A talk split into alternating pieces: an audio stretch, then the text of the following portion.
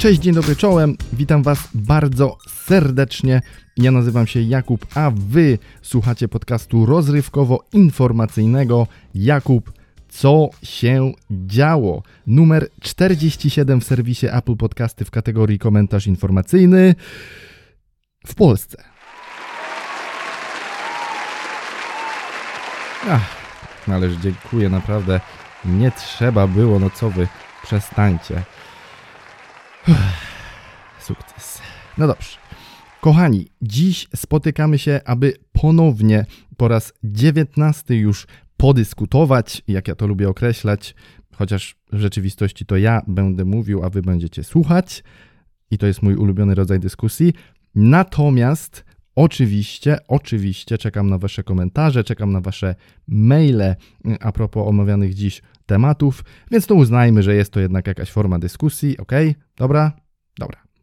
No więc będziemy dyskutować jak zwykle o tym, co ciekawego, niezwykłego lub istotnego wydarzyło się na świecie w ostatnim tygodniu. Wybrałem tradycyjnie trzy tematy, o których sobie podyskutujemy, a będą to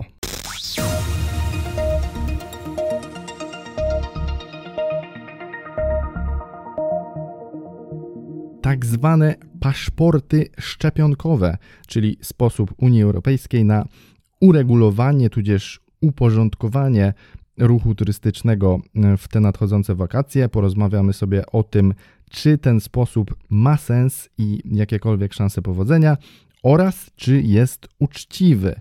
E, porozmawiamy sobie również o śnie e, w kontekście jego jakości oraz zależności E, między tą jakością snu a spożywanym przez nas jedzeniem.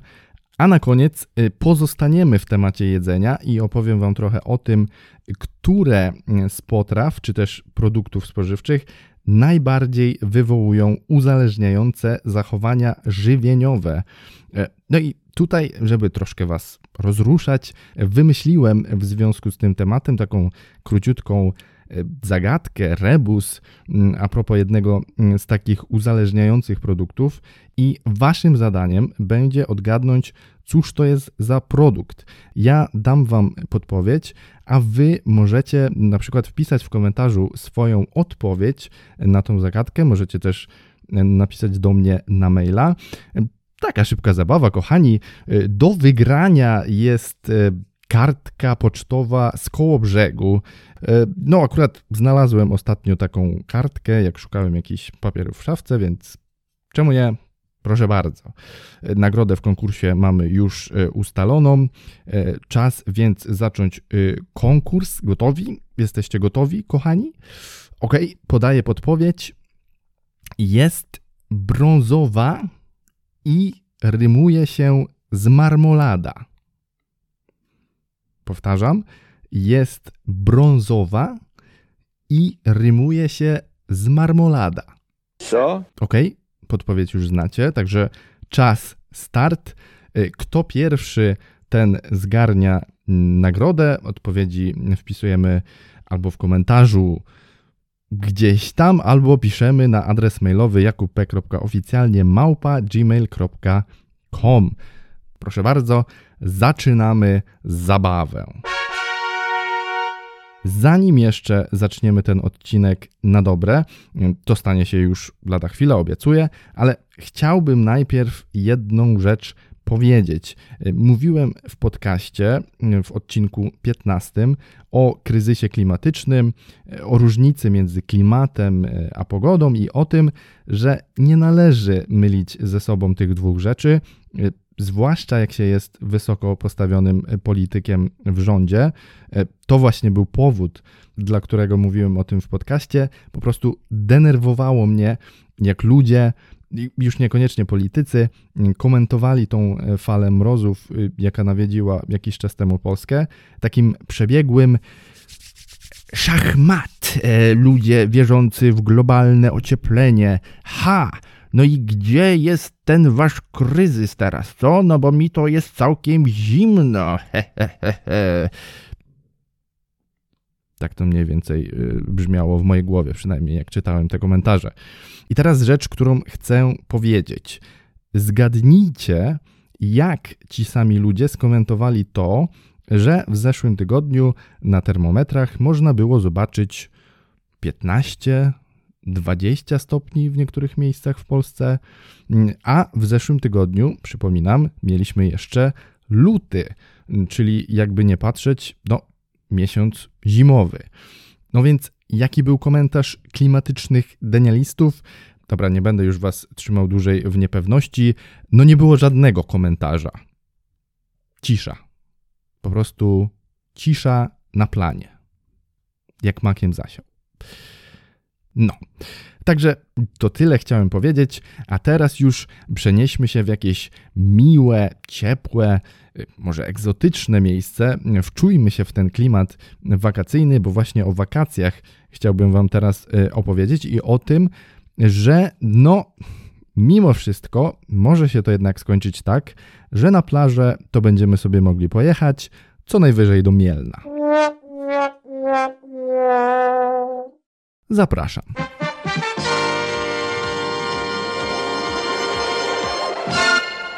Pandemia koronawirusa nie odpuszcza. Nie muszę Wam o tym przypominać. Jeśli żyjecie na planecie Ziemia tak jak ja, no to doskonale zdajecie sobie z tego sprawę.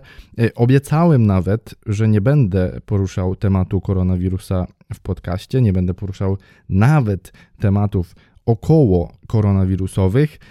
Co prawda zdarzyło mi się tą zasadę już kilkakrotnie złamać, no ale ja nie o tym. E, tutaj również robię wyjątek, bo i sytuacja jest wyjątkowa, gdyż ważą się losy tego, gdzie spędzimy przyszłoroczne wakacje, e, a mówiąc dokładniej, e, czy będzie można na te wakacje wyjechać sobie gdzieś za granicę. Chodzi o to, że w czwartek na wideoszczycie przywódców państw Unii Europejskiej poruszony został temat tak zwanego paszportu szczepionkowego, e, czyli rodzaju dokumentu, certyfikatu poświadczającego zaszczepienie przeciwko wirusowi SARS-CoV-2. 2. E, takie poświadczenie miałoby ułatwić osobom zaszczepionym podróżowanie, natomiast brak takiego dokumentu może oznaczać, że będzie się podróżować nieco trudniej, gdyż niezaszczepionych nadal obowiązywać będą obecne obostrzenia, czyli kwarantanna czy też obowiązek mm, posiadania negatywnego testu na koronawirusa. Do zakazu podróżowania dla osób niezaszczepionych raczej nie dojdzie, a przynajmniej na razie na to nie wygląda, ale wiadomo, te obostrzenia już same w sobie raczej nie zachęcają do podjęcia wakacyjnych wojaży. Żadne konkrety ze strony Unii jeszcze nie padły. Politycy wciąż debatują nad wieloma kwestiami, między innymi jaką formę miałyby przybrać takie certyfikaty, czy miałyby być to dokumenty papierowe, czy może cyfrowe, na jakim obszarze powinny obowiązywać, czy też, co najważniejsze, co konkretnie miałby taki paszport ułatwiać. E, oprócz tego, że takiej osoby mm, zaszczepionej nie dotyczyłyby obostrzenia covidowe. Inną kwestią jest to, czy taki paszport powinien w ogóle ułatwiać cokolwiek innego. Jak na razie zdania na temat certyfikatu szczepionkowego są podzielone. Zwolennicy mówią o tym, że pomogłyby one rozruszać gospodarkę, pomogłyby postawić na nogi e, sektor turystyczny. Przeciwnicy natomiast wskazują na to, że na takie rozwiązanie jest jeszcze za wcześnie, gdyż e, masowe szczepienia tak naprawdę dopiero się zaczęły i na razie zaszczepiona została bardzo niewielka część populacji. Przeciwnicy certyfikatu mówią również o tym, że nieetyczne byłoby dzielenie społeczeństwa na zaszczepionych i niezaszczepionych na tak wczesnym etapie e, szczepień właśnie. Warto tu również wspomnieć o tym, że Unia nie jest jedynym e, tworem, który rozważa wprowadzenie takiego certyfikatu, bo pracują już nad tym na przykład prywatne firmy lub e, stowarzyszenia, tyle że ich rozwiązanie miałoby wyglądać troszkę mniej oficjalnie, bo na przykład miałoby być e, powiedzmy aplikacją na telefon, e, która posiadałaby takie zweryfikowane dane na temat historii covidowej konkretnej osoby. E, taką firmą jest na przykład British Airways, czy też IATA, czyli Międzynarodowe Stowarzyszenie Przewoźników Powietrznych. Wiem, o czym sobie teraz myślicie. E, myślicie pewnie, no dobrze, Jakub, fajnie nam tutaj wszystko opowiedziałeś, ale co ty o tym myślisz? Jakie jest Twoje zdanie? Bo przecież dlatego właśnie słuchamy Twojego podcastu, chcemy je poznać. No więc już zaspokajam Waszą ciekawość. No ja myślę sobie, że zgadzam się z przeciwnikami y, wprowadzenia takiego certyfikatu. Przeciwnicy to jest tutaj dosyć mocne słowo, bo ci ludzie, wśród nich na przykład jest y, Angela Merkel, oni nie są tak zupełnie przeciwni temu rozwiązaniu. Ich zdaniem jest na to po prostu za wcześnie, i ja też myślę, że na takie rozwiązanie jest w tym momencie e, za wcześnie. E, wydaje mi się, że bardzo mało osób na tym skorzysta, ponieważ bardzo mało osób zostanie zaszczepionych, tak mi się przynajmniej wydaje, do tych wakacji. Wszyscy wiemy, jak ten program szczepień wygląda, nie tylko w Polsce, ale w Europie, no i nie idzie to za dobrze. Natomiast jeśli jednak Unia zdecyduje się na wprowadzenie takiego certyfikatu szczepionkowego, no to osobiście nie widzę w tym nic złego, no bo to w żaden sposób nie godzi, nie przeszkadza, e, czy też nie utrudnia życia osobom y, niezaszczepionym, do których zaliczam się i ja, i myślę, że w wakacje, no do wakacji również nie uda mi się zaszczepić. Nie wydaje mi się, żeby to rozwiązanie w jakiś sposób pogarszało stan osób niezaszczepionych. Nie myślę tak. E, z drugiej strony jednak, wydaje mi się, że może doprowadzić to do jakichś dziwnych e, sytuacji między osobami zaszczepionymi, a osobami niezaszczepionymi, no bo mm, tak jak mówiłem, raczej nie dojdzie do zakazu podróżowania dla osób niezaszczepionych. Będzie się można przemieszczać po Europie, może nie po całej Europie, ale te kraje turystyczne na pewno się otworzą. Z tym, że oczywiście będzie trzeba pewnie brać pod uwagę te obostrzenia covidowe.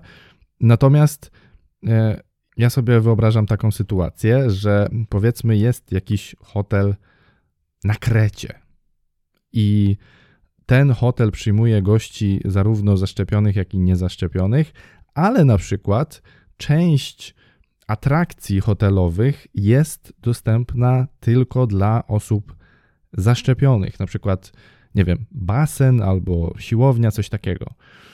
No i Wyobrażam sobie taką sytuację, że do obsługi hotelowej, e, która pilnuje wejścia na basen, powiedzmy, podchodzi taki Kowalski i on mówi, że chce wejść na basen, ale pracownik hotelu mówi, że bardzo mu przykro, I am very sorry, że obowiązują tutaj pewne obostrzenia i tak dalej, więc nie może pan Kowalski wejść sobie na basen. Pan Kowalski przytakuje niechętnie głową, odwraca się, ale w międzyczasie podchodzi pan Nowak, który na COVID jest już zaszczepiony. Pokazuje certyfikat obsłudze hotelowej, obsługa wpuszcza go na basen. Pan Kowalski traci nerwy i robi rozpierduchę na cały hotel. No taką sytuację na przykład jestem w stanie sobie to jest oczywiście sytuacja hipotetyczna, wymyślona przeze mnie teraz, no bo jeszcze de facto nie wiemy, jak tak naprawdę te zakazy, obostrzenia, ułatwienia i inne takie będą w te wakacje wyglądać. No ale pomyślałem sobie, że podzielę się z Wami takim moim spostrzeżeniem. W końcu po to tutaj przyszliście. Dzięki. Myślę też, że Unia osiągnęłaby więcej, e, to znaczy zapewniła bezpieczeństwo większej ilości osób, bo przecież chyba tutaj o to chodzi. E, jeśli zamiast pracować nad takimi paszportami, dopracowałaby procedury bezpieczeństwa, na przykład, albo uregulowała e, pewne sprawy, żeby osobom niezaszczepionym, których prawdopodobnie w te wakacje będzie znacznie więcej niż tych zaszczepionych, e, żeby tym osobom podróżowało się bezpieczniej, wygodniej. Nie wiem, wydaje mi się, że działanie w tą raczej stronę, e, w stronę osób niezaszczepionych, przyniosłoby lepsze efekty, w sensie więcej osób by na tym skorzystało, po prostu. No już najlepsze efekty przyniosłoby skupienie się na szczepieniu ludzi. Zamiast pracować na takich pierdołach, mogliby ogarnąć jakoś te szczepionki. Wiadomo, jak to w tym momencie wygląda. E, pomyślałem sobie też, wracając jeszcze do tematu paszportów szczepionkowych, że jeśli osoby zaszczepione miałyby się cieszyć jakimiś dodatkowymi przywilejami, na przykład wstępem na tą siłownię czy tam basen, e, no to siłą rzeczy obsługa tych atrakcji, mam na myśli personel, musiałaby być również zaszczepiona, ponieważ osoby zaszczepione nadal zarażają. W sensie nadal mogą przenosić wirusa. Tak to działa. Wirus nie zarazi takiej osoby, no ale ta osoba może tego wirusa przenieść na inną osobę. E, dlatego właśnie, dopóki nie zaszczepimy 70% społeczeństwa, czy coś takiego, e, dopóty nie osiągniemy odporności stadnej, e, która jest de facto jedynym rozwiązaniem, żeby uporać się tak powiedzmy całkowicie z tym koronaświrusem. W tej dyskusji na temat wprowadzenia tak zwanego paszportu szczepionkowego pojawiły się też głosy mówiące o tym, że wprowadzenie zakazów dla osób, które nie chcą się zaszczepić z jakiegoś tam powodu, jest dyskryminowaniem tych osób, e, jest ograniczaniem wolności mm, tych osób. Na przykład wydaje mi się, że kilka linii lotniczych e, zdecyduje się na taką politykę, nie teraz, tylko w przyszłości, kiedy te szczepionki powiedzmy będą ogólnodostępne, zdecyduje się na politykę niewpuszczania na pokłady swoich samolotów osób niezaszczepionych. Innym przykładem jest, e, wydaje mi się, Szwajcaria albo Austria, już teraz nie pamiętam dokładnie, e, któreś z tych państw zdecydowało się, że nie będzie zwracać kosztów leczenia osoby, która nie zaszczepiła się z własnego widzimisię, w momencie, gdy ta osoba trafi do szpitala z powodu koronawirusa. Też jakaś tam, prawda, zachęta do tego, żeby się jednak zaszczepić. No i ja myślę, że z jednej strony rzeczywiście jest to w pewien sposób dyskryminacja, jest to w pewien sposób ograniczanie wolności. No przecież jeśli ktoś z jakiegoś powodu nie chce tej szczepionki przyjąć, to dlaczego ktoś inny miałby go do tego zmuszać? E, no ale z drugiej strony, czy tak samo pomyślelibyśmy o osobie, która narzeka, że na przykład ograniczenie prędkości w terenie zabudowanym e, do 50 km na godzinę jest ograniczeniem jego wolności, no bo on chce jeździć w zabudowanym z prędkością 100 km na godzinę na przykład.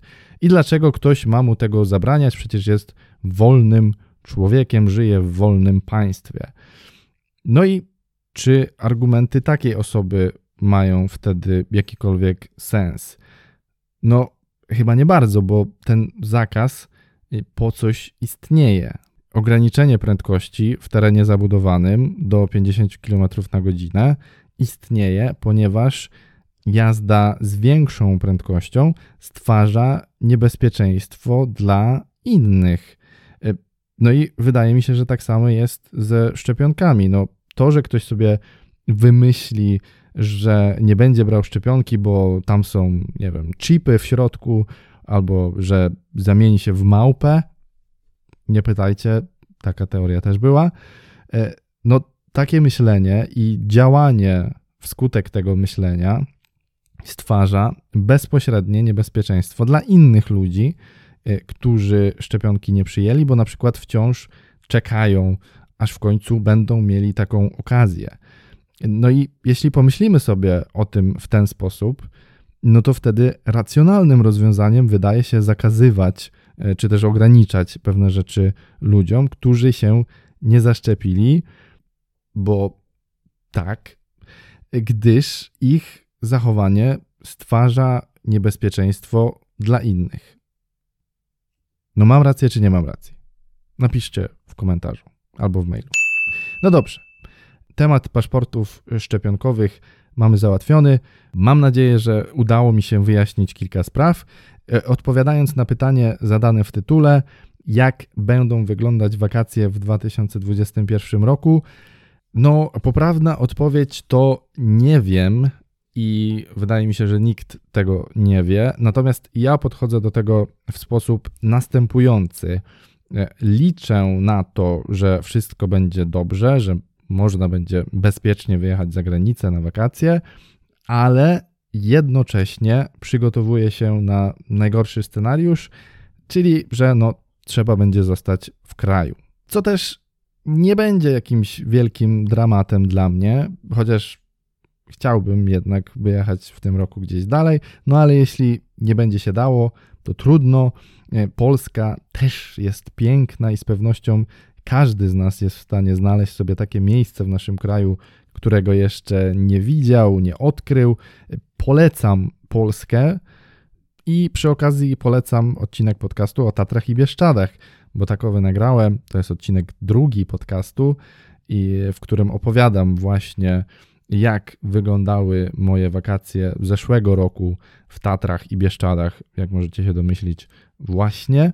Zachęcam do przesłuchania, być może okaże się przydatny i może nawet zainspiruje Was do podjęcia samodzielnej podróży, e, takiej właśnie w te piękne rejony naszego pięknego kraju. Dziękuję.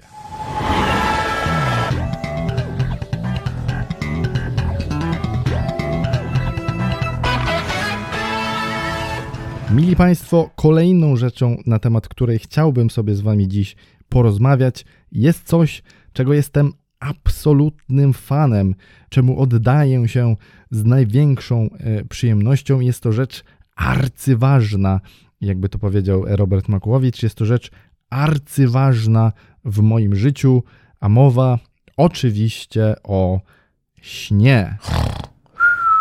Tak, moi drodzy, spanko lubię ponad wszystko, no ale któż nie lubi oddać się w ramiona Morfeusza? Któż nie lubi uderzyć w kimono, czy też uciąć sobie komara? No dla mnie jest to przyjemność iście niebiańska, ale jednocześnie jest to dla mnie pewnego rodzaju wyzwanie, ponieważ no, nie sypiam za dobrze. Nigdy nie sypiałem, mam bardzo płytki sen, bardzo długo zasypiam. E, potrzebuję też odpowiednich do tego warunków, żeby w ogóle zasnąć.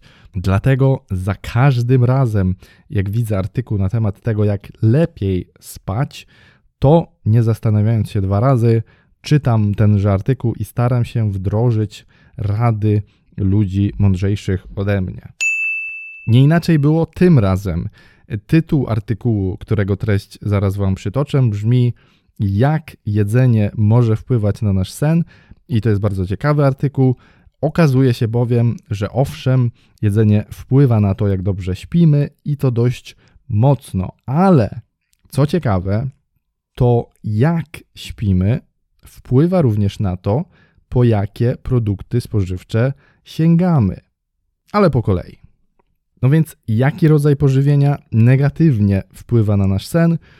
Tutaj myślę, że bez zaskoczenia y, dieta bogata w cukry, w tłuszcze nasycone oraz przetworzone węglowodany pogarsza jakość snu, natomiast dieta bogata w produkty roślinne y, i zawierające błonnik oraz tłuszcze nienasycone, jak orzechy, oliwa z oliwek, ryby, czy też nie do końca etycznie pozyskiwane awokado y, ułatwiają zdrowy sen.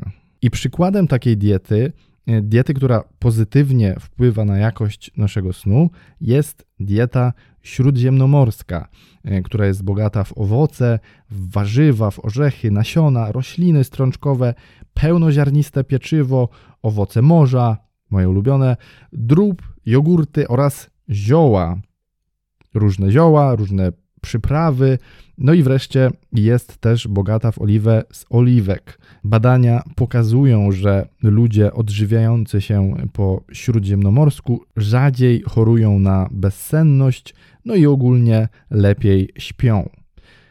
Natomiast, i to jest bardzo ciekawe, jakość naszego snu oraz to, ile śpimy, wpływa na to, co później wkładamy do buzi.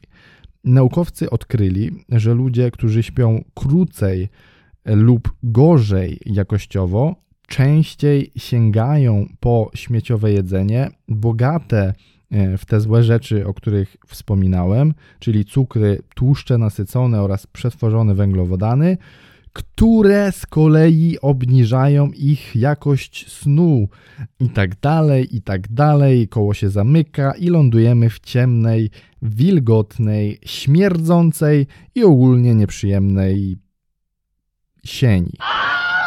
Niedostatek snu nie tylko sprawia, że sięgamy po śmieciowe jedzenie częściej, ale też przyczynia się do tego, że konsumujemy więcej kalorii, podjadamy częściej, czy też intensywniej odczuwamy uczucie głodu. Ale to nie wszystko. Okazuje się bowiem również, że nawet w naszym własnym mózgu nie możemy szukać sprzymierzeńca w walce z chęcią pożarcia Big Maca, lodów czy dużej tabliczki czekolady, gdyż niedobór snu powoduje również, że nasz własny mózg bardziej wynagradza nas za jedzenie śmieciowo niż zdrowo. Co? Badania pokazały bowiem, że u osób, które śpią za krótko, jedzenie śmieciowego jedzenia znacznie częściej aktywuje ośrodki nagrody w mózgu, czyli ośrodki odpowiedzialne za tworzenie nawyków, niż zjedzenie czegoś zdrowszego. Cóż możemy wywnioskować z tego mojego długiego wywodu? No, wydaje mi się, że przede wszystkim to, że chcąc odżywiać się lepiej i chcąc lepiej zadbać ogólnie o swoje zdrowie, nie możemy zapominać o spanku. Spanko jest bardzo ważne. Pamiętajcie o tym, dzieci, a jednocześnie, jeśli macie problemy ze spaniem, to zwracajcie też większą uwagę na to, co jecie. Chcąc poprawić jedno, nie możecie zapominać o drugim. No dobrze, było o spanku i trochę o jedzonku, to teraz będzie jeszcze więcej o jedzonku.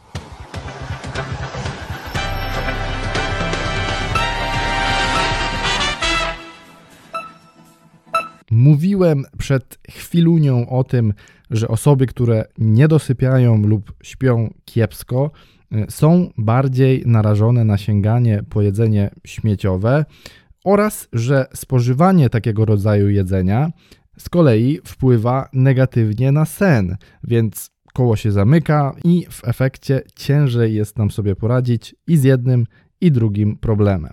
Ale to nie wszystko. Mam kolejne złe wieści. Otóż okazuje się, że nawet jeśli sypialibyśmy elegancko 8 godzin dziennie, czulibyśmy się wyspani, wypoczęci, e, to i tak możemy czuć potrzebę sięgania po produkty przetworzone, gdyż te produkty właśnie wykazują silne działanie uzależniające. Naukowcy z Uniwersytetu Yale opracowali nawet taką skalę najbardziej uzależniających dań, produktów. No i zgadnijcie, co uplasowało się na trzech pierwszych miejscach. E, dam Wam podpowiedź, to naprawdę nie jest trudna zagadka, bardzo łatwo się domyślić, co to są za rzeczy. No więc złotą trójką najbardziej uzależniających produktów spożywczych są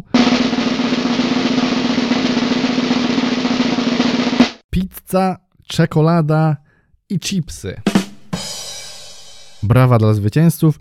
Kolejne miejsca też bez sensacji, bo dalej mamy ciastka, lody, frytki i cheeseburgery, czyli w skrócie można by powiedzieć menu McDonald'sa. Szybciutka dygresja. zauważyliście, że powiedziałem McDonald'sa, a nie McDonalda. Zrobiłem to celowo i już Wam wytłumaczę dlaczego. Miałem na studiach y, wykładowcę z, ze Stanów Zjednoczonych. Co ciekawe, ten wykładowca nazywał się Tadeusz Lewandowski, a y, kazał mówić na siebie Tadzio, to znaczy nie kazał nam studentom, tylko swoim kolegom z pracy. E, I tenże wykładowca podczas jednych z zajęć e, właśnie zwrócił nam uwagę na to, że Polacy często mówią, że idą do McDonalda, a przecież w nazwie restauracji, no jak byk, jest na końcu S. E, wiecie, to nie jest tak jak z tym nazwiskiem w Chłopaki nie płaczą, psikutas bez S. W McDonald's jest na końcu S, a z jakiegoś powodu często zdarza się tak, że Polacy tego nie wymawiają. Wydaje mi się, że to jest po prostu bardziej dla nas naturalne. Natomiast ten wykładowca wtedy zwrócił nam uwagę na to, że powinniśmy mówić, że idziemy do McDonald'sa, no bo przecież jakże to tak opuścić to S na końcu. Nie wiem, podaję dalej informacje, jak zależy Wam na tym, żeby wysławiać się i wymawiać pewne słowa, pewne nazwy własne zgodnie z tym, jak one powinny być wymawiane, no to proszę bardzo, informacja dla Was a propos McDonald'sa. A jeszcze dopowiem, że to S jest tam na końcu, dlatego że to jest nazwa.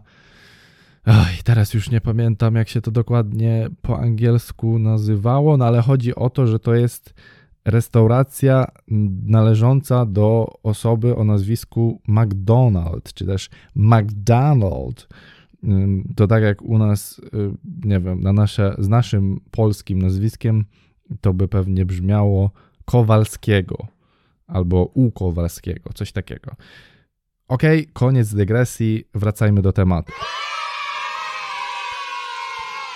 Otóż y, owi naukowcy z Yale odkryli, że to właśnie wysoko przetworzone produkty w rodzaju pizzy, czekolady mm, czy też chipsów posiadają pewne mm, cechy, na ogół związane z substancjami uzależniającymi, czyli narkotykus, marihuana, chemia, hemoglobina, wiecie o co chodzi, e, gdyż mm, te produkty wywołują w osobach e, od nich uzależnionych e, podobne reakcje, jakie wywołują narkotyki u osób uzależnionych od narkotyków. Czyli na przykład w, w przypadku tego śmieciowego jedzenia to jest intensywny głód, utrata kontroli nad ilością zjadanego pożywienia i niezdolność do ograniczania go mimo doświadczania szkodliwych konsekwencji i silnego pragnienia, y, aby przestać jeść. Te osoby często nie mogą przestać jeść, tak na nie to jedzenie działa. Przyczyn tego uzależniającego efektu naukowcy doszukują się m.in. w soli, e, w zagęszczaczach, czy też różnego rodzaju sztucznych e, ulepszaczach tych produktów, które są do nich dodawane, e, aby właśnie no, uwydatnić ich smak, czy też sprawić, żeby one miały na przykład odpowiednią teksturę, wywoływały w nas e, pewne doznania, e, podczas gdy je spożywamy. E, inną rzeczą, która może wpływać na to, że uzależniamy się od tego śmieciowego jedzenia, jest to, że na ogół tego typu produkty, produkty przetworzone mocno, E, posiadają duże ilości tłuszczów oraz węglowodanów, co bardzo przyciąga później nasze podniebienia do tychże produktów, ponieważ taka mm, kombinacja, takie połączenie jest bardzo rzadko spotykane, a w zasadzie prawie nigdy nie jest spotykane w naturalnym jedzeniu. Inną cechą upodobniającą e, uzależnienie od jedzenia śmieciowego do uzależnienia od narkotyków są późniejsze symptomy odstawienia mm, tego jedzenia. Badania pokazują, że ludzie, którzy odstawili śmieciowe jedzenie, odczuwają później frustrację, zmęczenie, e, czy też smutek, e, a także no, co oczywiste, pragnienie tego jedzenia. Inne badanie z kolei pokazało, że ludzie, którzy regularnie jedzą śmieciowe jedzenie, budują w sobie tolerancję względem tego jedzenia, więc z czasem muszą jeść go więcej, żeby odczuć ten sam efekt. Jak poradzić sobie z takim uzależnieniem? No tak jak z każdym innym, tak mi się przynajmniej wydaje, pierwszym krokiem byłoby tutaj, według artykułu, który na ten temat przeczytałem, no bo ja nie znam się na uzależnieniach i walce z nimi. Natomiast według tego artykułu y, pierwszym krokiem właśnie jest zdanie sobie sprawy z tego, że jest się uzależnionym. To może nie być y, łatwe, ale na przykład możemy sobie wtedy po prostu zapisywać wszystkie posiłki, które danego dnia spożywamy, później przeglądnąć sobie tą listę, albo na przykład przeglądnąć listę z całego tygodnia i zwrócić uwagę, jak dużo tego śmieciowego jedzenia w naszej diecie jest. A jeśli jest go rzeczywiście bardzo dużo, no to po prostu musimy zacząć starać się go unikać i decydować się na zdrowsze jedzenie e, po prostu. Słuchajcie, no nie będę tutaj zgrywał teraz eksperta w temacie, o którym nie mam za bardzo pojęcia, więc zamiast tutaj się rozgadywać teraz, po prostu zostawię Wam e, przydatne linki, między innymi link do tego artykułu, e, z którego dowiedziałem się o tym całym problemie. Wy sobie, jeśli uznacie to za stosowne, poczytacie o tym i dowiecie się czegoś konkretnego, a ja już więcej nie będę strzępił swojego głosu, który i tak już jest mocno nadwyrężony, więc niniejszym kończę ten trzeci i ostatni już temat odcinka 19 i zapraszam Was na króciutkie zakończenie. Moi drodzy, sprawa jest prosta. Jeśli odcinek Wam się podobał, to koniecznie dajcie mi o tym znać. Możecie zostawić mi gdzieś komentarz, możecie napisać do mnie na mój adres mailowy jakubp.oficjalnie za każdy komentarz, za każdą opinię y, będę bardzo wdzięczny. Y, możecie również wystawić mi recenzję. Niektóre platformy podcastowe taką możliwość udostępniają, więc za taką recenzję również byłbym bardzo wdzięczny. Tym bardziej, jeśli byłaby ona pozytywna. Oczywiście, jeśli podoba Wam się podcast, bo to nie jest pierwszy odcinek, którego słuchacie, to oczywiście zachęcam do subskrybowania podcastu, do dodania go do ulubionych, do obserwowanych, w zależności od tego, na jakim serwisie mnie słuchacie. Jakub, co się działo oprócz e, platform typowo podcastowych, ukazuje się również na YouTubie, więc tam też możecie go mm, posłuchać i zostawić oczywiście subka. Zapraszam Was również do śledzenia mnie w mediach społecznościowych. Jestem na Instagramie jakubp.oficjalnie, jestem na Facebooku. Tam mój profil nazywa się Jakub P po prostu.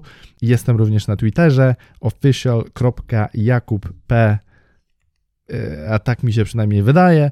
Nieważne, jak wpiszecie Jakub P, to na pewno mnie tam znajdziecie. Kochani, jeszcze raz dziękuję pięknie za Waszą uwagę, za wysłuchanie tego odcinka. Na kolejny zapraszam już za tydzień o tej samej porze, a tymczasem trzymajcie się, bądźcie zdrowi